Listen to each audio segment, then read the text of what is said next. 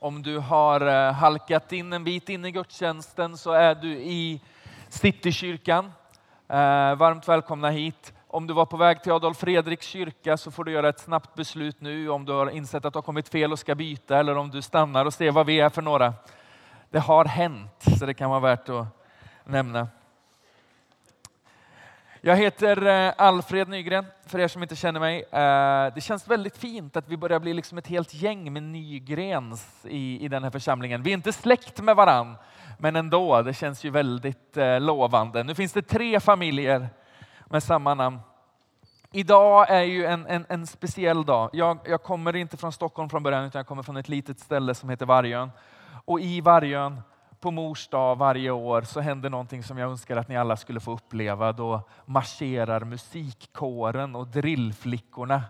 Det är en väldigt speciell upplevelse. Det är fullt liksom så här marching band och drillflickor framför och blåa dräkter. Det fanns en tid när jag gick med min saxofon och hade blå kostym och gråa byxor och en blå tjusig hatt. Och så stannade vi till här och där och så spelar vi Mor lilla mor, ingen är väl som du och sen så marscherar vi vidare. Oftast svinkallt. Jag såg något klipp på morgonen här och blev lite, lite nostalgisk. Vem vet, vi kanske startar en eh, sån här marschorkester någon dag i Citykyrkan. Man ska aldrig säga aldrig. Jag var med i Missionskyrkans musikkår också. De hade bruna uniformer. Det var inte riktigt samma glädje. Det är en nostalgimorgon för mig. Det här är ju Tunhems kyrka, den ligger utanför Vargön. Jag tyckte den var fin, så jag tänkte det kan vara fint att ha med den. Nog om det. Vi befinner oss mitt i en, en serie som vi har valt att kalla Kyrka 1.0. De flesta av predikningarna går att lyssna i kapp på på nätet. Förra veckan så, så kraschade av någon märklig anledning. Eh, Paul pratade briljant om nattvarden, så synd för dig om du inte var här. För det finns ingen chans att lyssna i kapp. Man får dricka kaffe med honom sen så drar han allting i någon sorts expressversion har han lovat. Eh, kyrka 1.0. Eh, vi lever liksom i ett samhälle där, där, där saker utvecklas, där det ska vara 2.0 och 3.0 och 4.0 och ni vet sådär bättre och bättre och vassare och vassare. Och det är våran längtan också, att vi som församling skulle få, få bli mer och mer lika Jesus och mer och mer lik det han har tänkt för oss. Men, men, men vi tror att, att sättet vi blir det på är att återvända till skriften gång på gång, till Bibeln och ställa oss frågan, hur såg det ut från början? Har vi lagt oss till med grejer som kanske inte är dåliga men inte nödvändiga? Och så liksom kollar vi, vad är det som egentligen är kärnan av det här som vi kallar kyrka? Eh, känns det som ett begripligt upplägg? Mycket bra säger Jorge, han var med och tänkte ut det. Det var ju självgott av dig. Och texten som vi rör oss i är, är från eh, Apostlagärningarnas andra kapitel ifrån vers 42. Så jag tänkte vi läser igenom den grejen och sen så tar vi oss in i, i dagens predikan. Ska vi be först? Känns klokt va?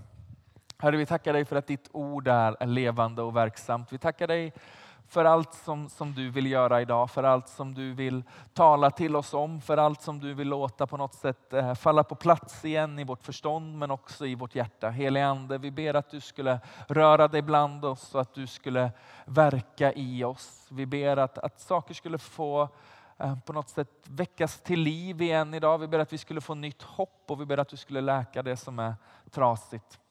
Tala till oss Herre, vi ber i Jesu namn. Amen. Så här står det. De höll troget fast vid apostlarnas undervisning och vid gemenskapen, brödsbrytelsen och bönerna.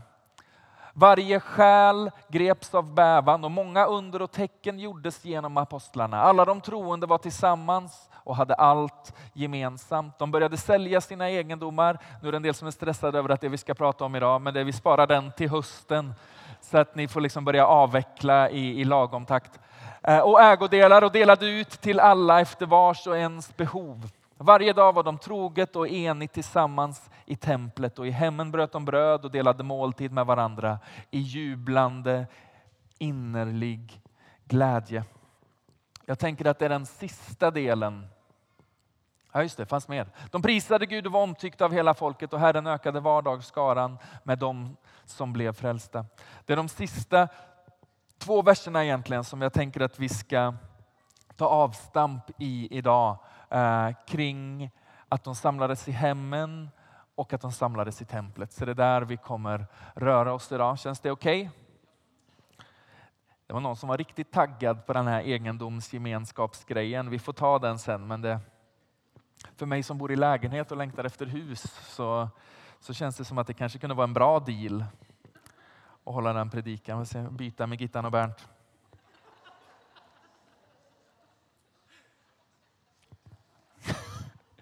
Eller inte. Vi får se. Vi, vi tar det sen. Pratar om det.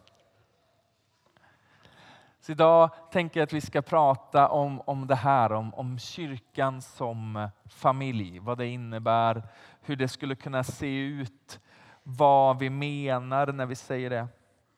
För jag tänker att hur väl vi lyckas bli familj är, är direkt avgörande för hur goda förvaltare vi är av det verk som Gud gör. Det finns en tydlig liksom rörelse i, i den här texten som vi har läst och i början av Apostlagärningarna. Där anden faller och så uppstår det någon sorts familjegemenskap. Man börjar liksom relatera till varandra på ett annat sätt. Man börjar ta hand om varandra på ett annat sätt. Och så växer familjen. Och jag tänker att väldigt ofta så, så har vi kanske som karismatiker och som pingstvänner liksom blicken fäst på den första delen. Vi tänker att om anden bara faller så löser sig allt. Någon sorts liksom sådär väckelse, alla liksom bombnedslag och sen så liksom har vi 14 gudstjänster varje helg. Det lät jobbigt. Men, men, men ni förstår grejen. Och, och, och, det vi längtar efter det, vi längtar efter att Guds ande ännu tydligare ska vara utgjuten bland oss. Vi längtar efter att få se ännu mer liksom kraftgärningar och under och tecken ske. Men, men jag tror att det bara sker liksom i takt med den hastigheten som vi lyckas bli familj. Som vi lyckas bygga relationer med varandra, som vi lyckas komma nära. Och när det sker så låter Gud familjen växa. Hänger ni med på den grundidén och den grundtanken? Anden faller, allt liv startar, startar med att Fadern initierade. Vi kan be, vi kan längta, vi kan drömma, men våra böner skapar inte väckelse. Våra strategier ger inte liv. Fadern ger av sin ande till dem som ber honom. Det som händer med en grupp människor när anden fyller dem är att deras relation till Gud förändras. Vi blir söner och döttrar. Gud blir våran far och i det så förändras också relationen vi har till varandra. Vi blir familj. Jag tänkte vi ska läsa ett stycke från Efesierbrevet som, som sätter fingret på det här. Och det är Paulus som, som skriver till ett gäng som har kommit till tro som inte är judar och som, som lite grann så där känner sig som andra klassens medborgare, andra klassens kristna. Och så lägger han ut texten och så förklarar han för dem hur det funkar. Och så säger han så här, Efesierbrevet 2 från vers 11. Kom därför ihåg hur det var tidigare. Ni var födda som hedningar och kallades oomskurna av dem som kallar sig omskurna. Men den omskärelse, omskärelse som görs på kroppen, vad stod det? Men den omskärelse som görs på kroppen av människohand. På den tiden var ni utan Kristus, utstängda från medborgarskapet i Israel och utan del i förbundet med deras löfte. Ni var utan hopp och utan Gud i världen. Men nu, genom Kristus Jesus, har ni som tidigare var långt borta kommit nära genom Kristi blod. Han är vår frid, han som har gjort de två till ett och rivit skiljemuren, fiendeskapen i sin kropp.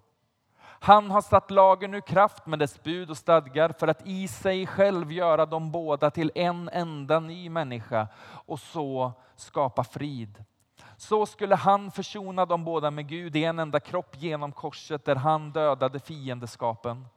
Han har kommit och förkunnat frid för er som var långt borta och frid för dem som var nära. Genom honom har vi båda i en och samma ande tillträde till Fadern.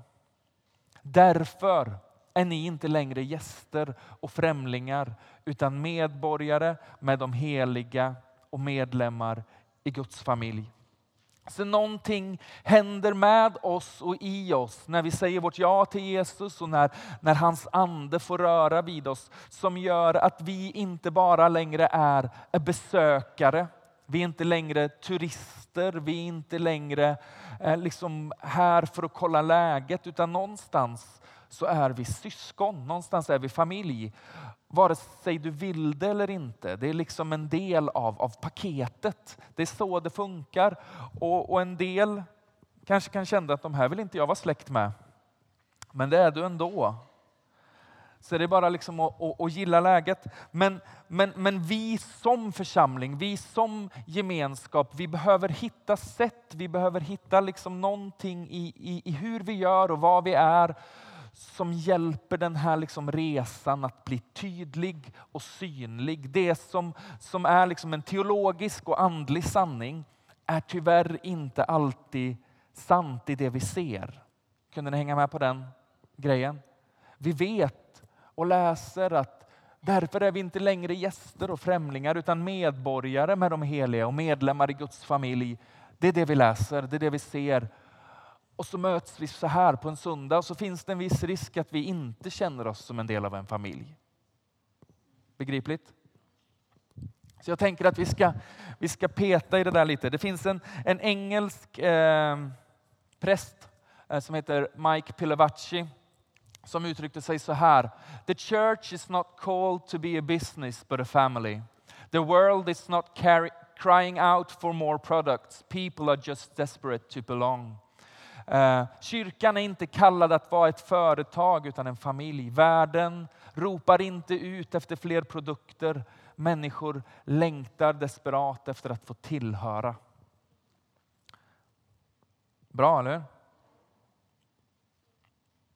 Så när familj händer, när vi gör rörelsen från att vara en grupp som möts i ett rum till en familj som delar livet med varandra, så blir vi en plats där människor växer, där sår läks, där vänskap uppstår, där skam bryts och där ytterst sett Fadern kan anförtro fler syskon. Vi bygger inte ett företag, vi bygger inte ens en kyrka, hör och häpna. Vi försöker bara lära oss att älska varandra och i den rörelsen så bygger Jesus sin kyrka. Eller hur? Jesus säger, jag ska bygga min kyrka. Och i det så... Ja, Yvonne gillar det, gött. Världens mest lokala applåd. Nej men eller hur? Det, det, är så lätt att vi liksom kickar igång i vårt aktivist-mindset och tänker att nu ska vi göra det här, nu ska vi liksom kavla upp armarna, nu ska vi ta i. Och det, jag menar inte att det är, det är, fel att vara med och tjäna, jag menar inte att det är fel att, att liksom brinna för något och vara engagerad i någonting. Men, men, men frågan är liksom bara vad är det vi försöker bli och vad är det vi försöker bygga? Och då menar jag att det som vi är kallade till att bygga är familj. Att bygga en gemenskap som är så varm, som är så kärleksfull, som är så nådefull och full av sanning. Att människor som kommer till den finner det lätt att tillhöra. Det blir lätt att bli en del, det blir lätt att hitta hem i sin trasighet, i sin brustenhet. Vi bygger inte kyrka, han bygger kyrka och så älskar vi varandra under tiden. Eller hur? Låter inte som så stor skillnad, men, men jag tänker att det är så, så stor skillnad. Eller jag tänker att det är stor skillnad. Svårt med talet idag. Saltaren 127 och 1. Om inte Herren bygger huset bygger arbetarna förgäves. Så någonstans bara hur, hur gör vi det här? Hur är vi det här? Det finns så mycket som, som man skulle liksom kunna kämpa hårdare för. Jag, jag är en liksom en produktionsmänniska. Jag, jag, gillar musik, jag gillar, jag gillar gudstjänst. Jag, jag tycker det är kul med, med lampor. Och, och, det finns någonting i mig som får liksom lite ångest varje gång en skärm slocknar. Och varje gång det liksom slocknar där och varje gång blir liksom, och så börjar det snurra och ha sig. Det finns någonting i det som liksom blir så här, ah, det här är jobbigt. För det finns någonting i mig som försöker bygga det här själv. Det betyder inte att vi inte strävar efter att göra saker bra, det betyder inte att vi inte vill vara excellenta. Men någonstans så, så är risken att jag börjar göra en produkt istället för en familj. Och, och, då kommer jag bränna ut mig. Jag kommer inte orka det, för om det här ska hänga på mig, eller på Paul eller på Jorge, så kommer det bli bedrövligt. Men om vi kan bli en gemenskap som älskar varandra, så kommer också Gud anförtro oss fler människor. Herren bygger sitt hus och vi bygger en familj. Två gånger i Johannes evangelium så tar Jesus fram en jättestor slägga och förklarar att den primära måttstocken över hur väl vi lyckas vara församling är i hur väl vi älskar varandra. Lyssna på det här. Det här är ju livsfarligt. Ett nytt bud ger jag er. Ett bud är någonting som man liksom åläggs att göra och som man förväntas följa. Att ni ska älska varandra. Så som jag har älskat er så ska också ni älska varandra. Och, och har man inte med sig grunderna i kristen tro så, så, så, har vi något som heter Johannes 3 och 16 som är lilla bibeln, kallar vi det lite käckt för att det sammanfattar liksom mycket av det vi tänker och tror och vad som är kärnan i evangelium. Och så står det, så älskade Gud världen att han gav sin enda son för att den som tror på honom inte ska gå förlorad utan ha evigt liv. Så mycket älskar Gud. Ett nytt bud ger jag er, att ni ska älska varandra. Så som jag har älskat er ska också ni älska varandra. Om ni har kärlek till varandra ska alla förstå att ni är mina lärjungar. Vi ser liksom framför oss en, en gemenskap som är så varm och så kärleksfull att folk förstår att det där kan inga människor skapa. Det där kan bara ske om någonstans Gud är på riktigt, om det där är på riktigt. Och, och det låter liksom sådär, ja men det är klart vi älskar varandra, liksom. det är klart vi tycker om varandra. Och sen så går man in på Facebook och så läser man någon liksom konversation om, om Fillas orgel eller någonting och så känner man att det här är inte alls så enkelt.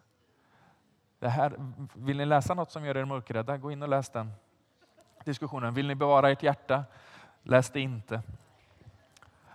Kristna liksom kan vara bedrövliga ibland. Elaka och bra sälj, liksom, säljsamtal jag har nu för dig som är här för första gången. Om vi inte tydligt anstränger oss och bestämmer oss för att vi ska vara en gemenskap som älskar varann på ett sådant sätt att människor som kliver in här eller människor som kliver in i ditt hem förstår att här är någonting annorlunda. Han bygger sin kyrka och vi bygger en familj. Han trycker på det en gång till i, i Johannes 17. Det här är Jesus stora liksom, överprästliga förbön. Han, han tar tillfället i akt och, och ber för oss. Och så skickar han iväg världens bön och någonstans i slutet av den så säger han så här. Men jag ber inte bara för dem utan för också för dem som kommer att tro på mig genom deras ord. Det är liksom du och jag. Det är gänget närmast och sen så de, men vi är ju en del av den kedjan, eller hur? Inte deras ord, men deras ords, deras ords och så vidare. Jag ber att de alla ska vara ett och att de ska vara i oss, liksom du far är i mig och jag i dig. Då ska världen tro att du har sänt mig. Och i den härlighet som du gett mig har jag, och den härlighet som du har gett mig har jag gett till dem för att de ska vara ett, liksom vi är ett. Jag i dem och du i mig, så att de är fullkomligt förenade till ett. Då ska världen förstå att du har sänt mig och att du har älskat dem som du har älskat mig. Det är ju ett ganska liksom så här trassligt språk här och det är många vändningar och mycket grejer som hänger på. Men, men, men det Jesus på något sätt säger är att det är viktigt för mig att de är ett. Det är viktigt för mig att ni älskar varandra. Det är viktigt för mig att det är tydligt att ni är en kärleksfull gemenskap. Varför? Jo, för då ska folk förstå. Det kommer inte vara genom liksom smarthet eller liksom genom en, en fräsch produktion eller jättemånga människor som hälsar välkommen eller världens bästa kaffe. Allt det där hjälper. Det hjälper människor att slappna av. Det hjälper människor att känna sig uppskattade, värdefulla och, och liksom betydelsefulla. Men i slutändan så är det mötet med din liksom värme, med din kärlek, med våran värme och våran kärlek och med hans värme och hans kärlek som kommer förvandla liv. Vi kan inte få in människor i gemenskap på något annat sätt. För vi är kallade att vara ett folk som älskar. Är ni med mig? Snälla. När vi gör resan från främlingar till vänner, från vänner till familj så gör vi också en resa från några till många. Människor är först och främst inga objekt som ska frälsas, syndare som ska omvändas, sjuka som ska helas. De är främlingar som inbjuds att bli familj, vänner som inbjuds att bli syskon. Jag tänker att det här är en, en sån nyckelgrej för oss, en sån nyckelvärde för oss. Det vi märker i den första församlingen, i de första verserna av Apostlagärningarna, det är att Gud utgjuter sin ande och några få rädda, fega människor som gömmer sig blir helt plötsligt modiga, frimodiga, ställer sig upp och predikar. Men det slutar inte där utan någonting sker i hur de börjar relatera till varandra. Och helt plötsligt så börjar de mötas i hemmen och de börjar mötas i templet. Och något i oss får lite panik och tänker att det har jag inte tid med. Inte varje dag, inte hela tiden.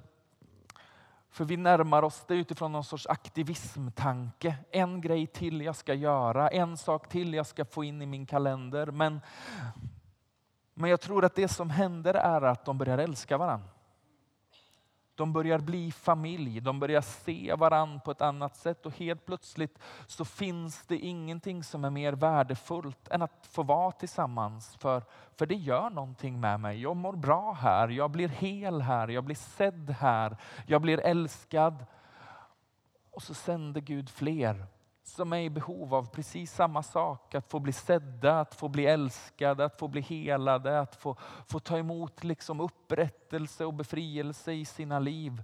Och platsen där det sker är alltid varma gemenskaper. Ibland så, så, så ställer jag mig själv den högst rimliga frågan. Gud, hur tänkte du när du bestämde att vi skulle ha församlingar? Ja, men du vet, för man känner att det är liksom inte en klockren tanke baserat på vad man ser. För det är bristfälligt och vi kommer till korta och det, och det är krångligt. Men, men jag tror någonstans att det är för att han, han väljer och ger oss förmånen att bygga relationer som är så varma att när människor kliver in genom dörren på ditt hem eller på den här kyrkan så möter de genom dig och genom er något av Faderns kärlek så fort de kommer in på grund av hur ni älskar varandra, på grund av hur ni är ett. Och utmaningen i en sån här församling som har nåden att befinna sig i en period av, av tillväxt är att vi hela tiden behöver liksom ställa oss frågan hur, hur kan vi omfamna fler? För baksidan av det där varma och det där liksom kärleksfulla och det där fina är att det också har en tendens att bli lite eh, exklusivt och lite trångt och lite svårt att bli en del av. Ni vet alla känslan av att, av att kliva in i ett rum och så känner man att här känner alla varann redan och de verkar ha det trevligt men jag inbjuds inte riktigt. Eller om du har kommit hit och är någonstans under liksom 30 och så ställer du dig frågan, har alla gått Ibios här? Alltså det finns liksom en gemenskap som, som är varm, som är vacker men som också om vi inte skapar strukturer för det och en medvetenhet om det tenderar att bli exklusiv. Och så behöver vi bara ställa oss frågan, hur omfamnar vi liksom nya människor? Hur blir vi en gemenskap som hela tiden är lätt att tillhöra, är lätt att bli en del av? Där ingen blir stående lite sådär vilset bak i dörren och tittar liksom med den där panikslagna blicken som vi alla känner igen. Eller när man blir stående med en kaffekopp och en bulle och så, och så, så går man lite så här riktningslöst fram och tillbaka för man vet inte var ska jag sitta och vem, vem ska jag koppla med och, och, och, och vem vill lära känna mig? Vi gör det här rätt bra om vi ska vara liksom lite så uppmuntrande mot oss själva en stund. Men, men jag tror att det finns en inbjudan för oss att och på något sätt bestämma oss ännu mer. Att vi, vi ska vara en gemenskap som är så varm och så omfamnande att det ska vara hopplöst svårt att kliva in i mitt hem eller Jorges hem eller någon annans hem och gå därifrån och inte ha mött någonting av, av Faderns kärlek. Eller kliva in i det här rummet och inte ha mött någonting av Faderns kärlek. Vi gör det genom lovsången, vi gör det genom förkunnelsen, men, men i slutändan så är det relationer som får människor att stanna kvar. Eller hur? Det är nära vänskaper som gör att man vill tillhöra.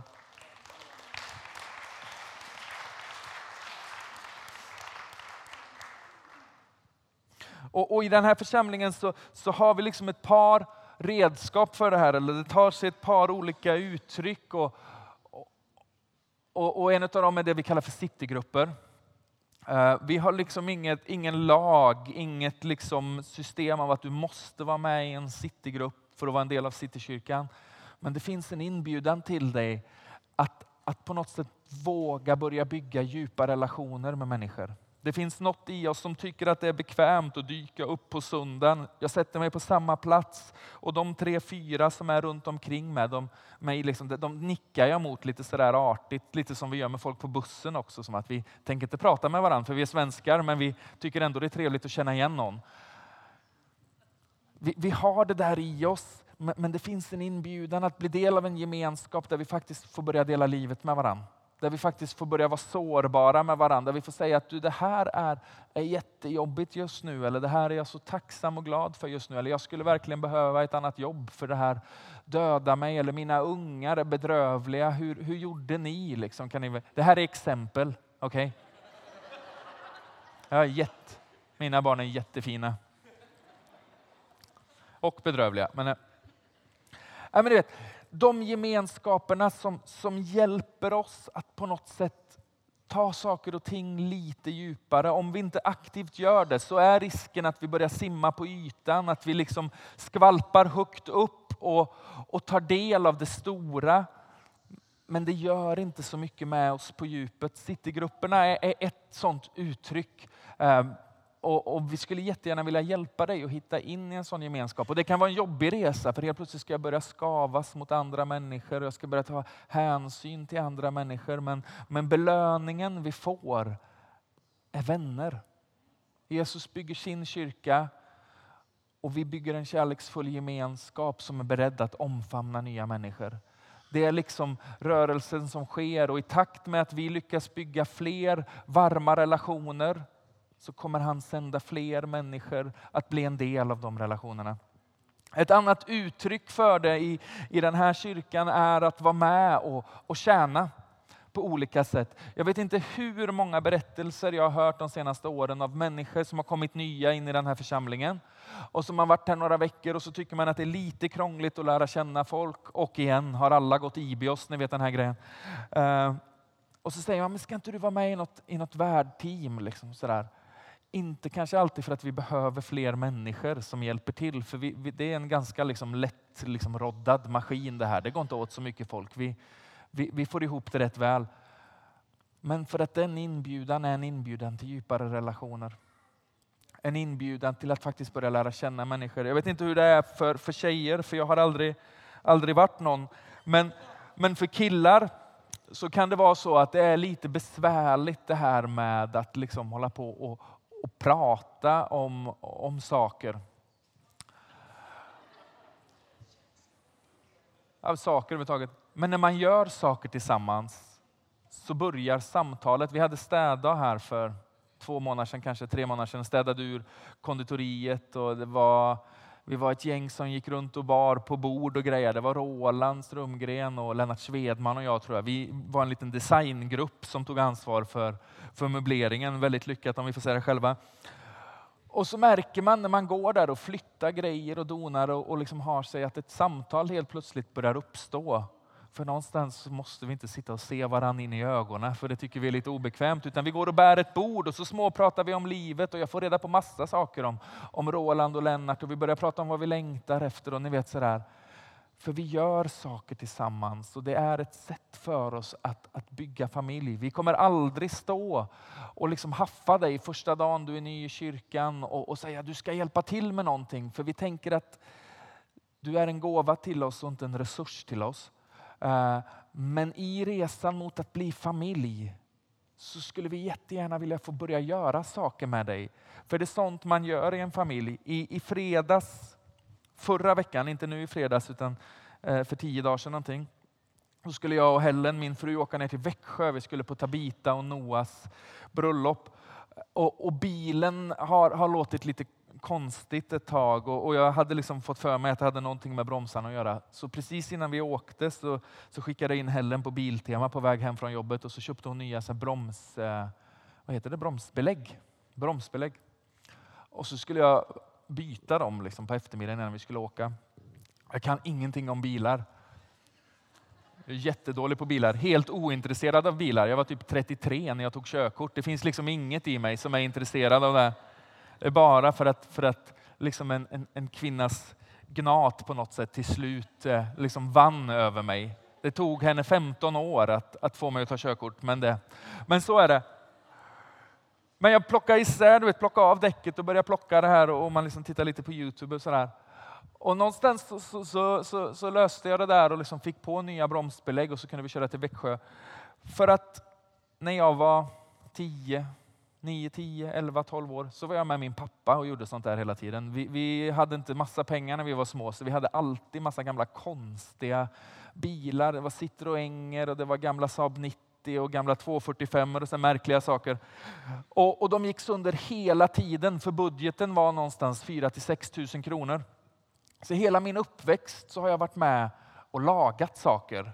Inte för att jag är intresserad, inte för att pappa är så intresserad, men för att vi var tvungna att göra det. Och någonstans så, så det där görandet tillsammans gjorde att när jag behövde bryta bromsbelägg så, så kände jag mig ganska liksom, äh, hyfsat självförtroende fast att jag inte riktigt vet vad jag gör. Och någon som tyckte jag var dum i huvudet som gjorde det innan jag skulle köra 50 mil, att det liksom var oansvarigt av mig. Men det, det är en annan femma. För någonting händer i de där gemenskaperna, någonting av, av, av kunskap, av erfarenhet förs över. Det handlar inte om att få människor som hjälper till med vårt stora projekt, utan om att vara en gemenskap där det är lätt att få växa vidare. Där det är lätt att känna tillhörighet, där det är lätt att, att få bygga djupa relationer. Och en del människor kommer hit och är liksom trötta och slitna och, och iakttagande och det är okej okay, och vi sitter och vi är med. Men någonstans så kommer vi alltid inbjuda dig att göra en resa på något sätt djupare med oss, in i familj, in i gemenskap. Vi kommer aldrig köra slut på någonting annat än pastorer här. Men, men ovanpå det så, så vill vi vara en gemenskap där det är lätt att tillhöra. Ja, ni förstår vad jag menar. Förstår ni vad jag far efter? Jag önskar så att vi kunde vara en gemenskap där vi, där vi bara fattar ett enkelt beslut. Att det skulle vara lätt att tillhöra.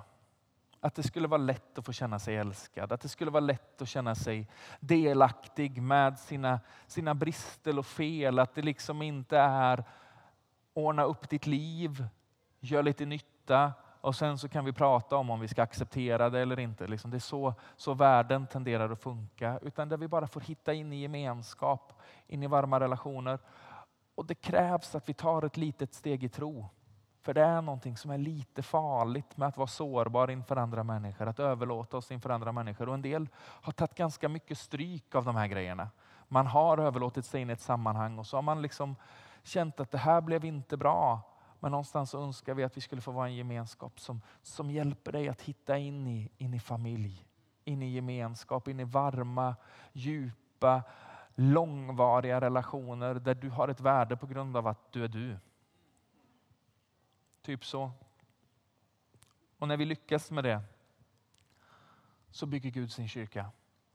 Så gör Jesus sin grej och så kommer han dra i människor och så tänker han, sitter kyrkan Känns varmt och härligt. Se hur de älskar varandra.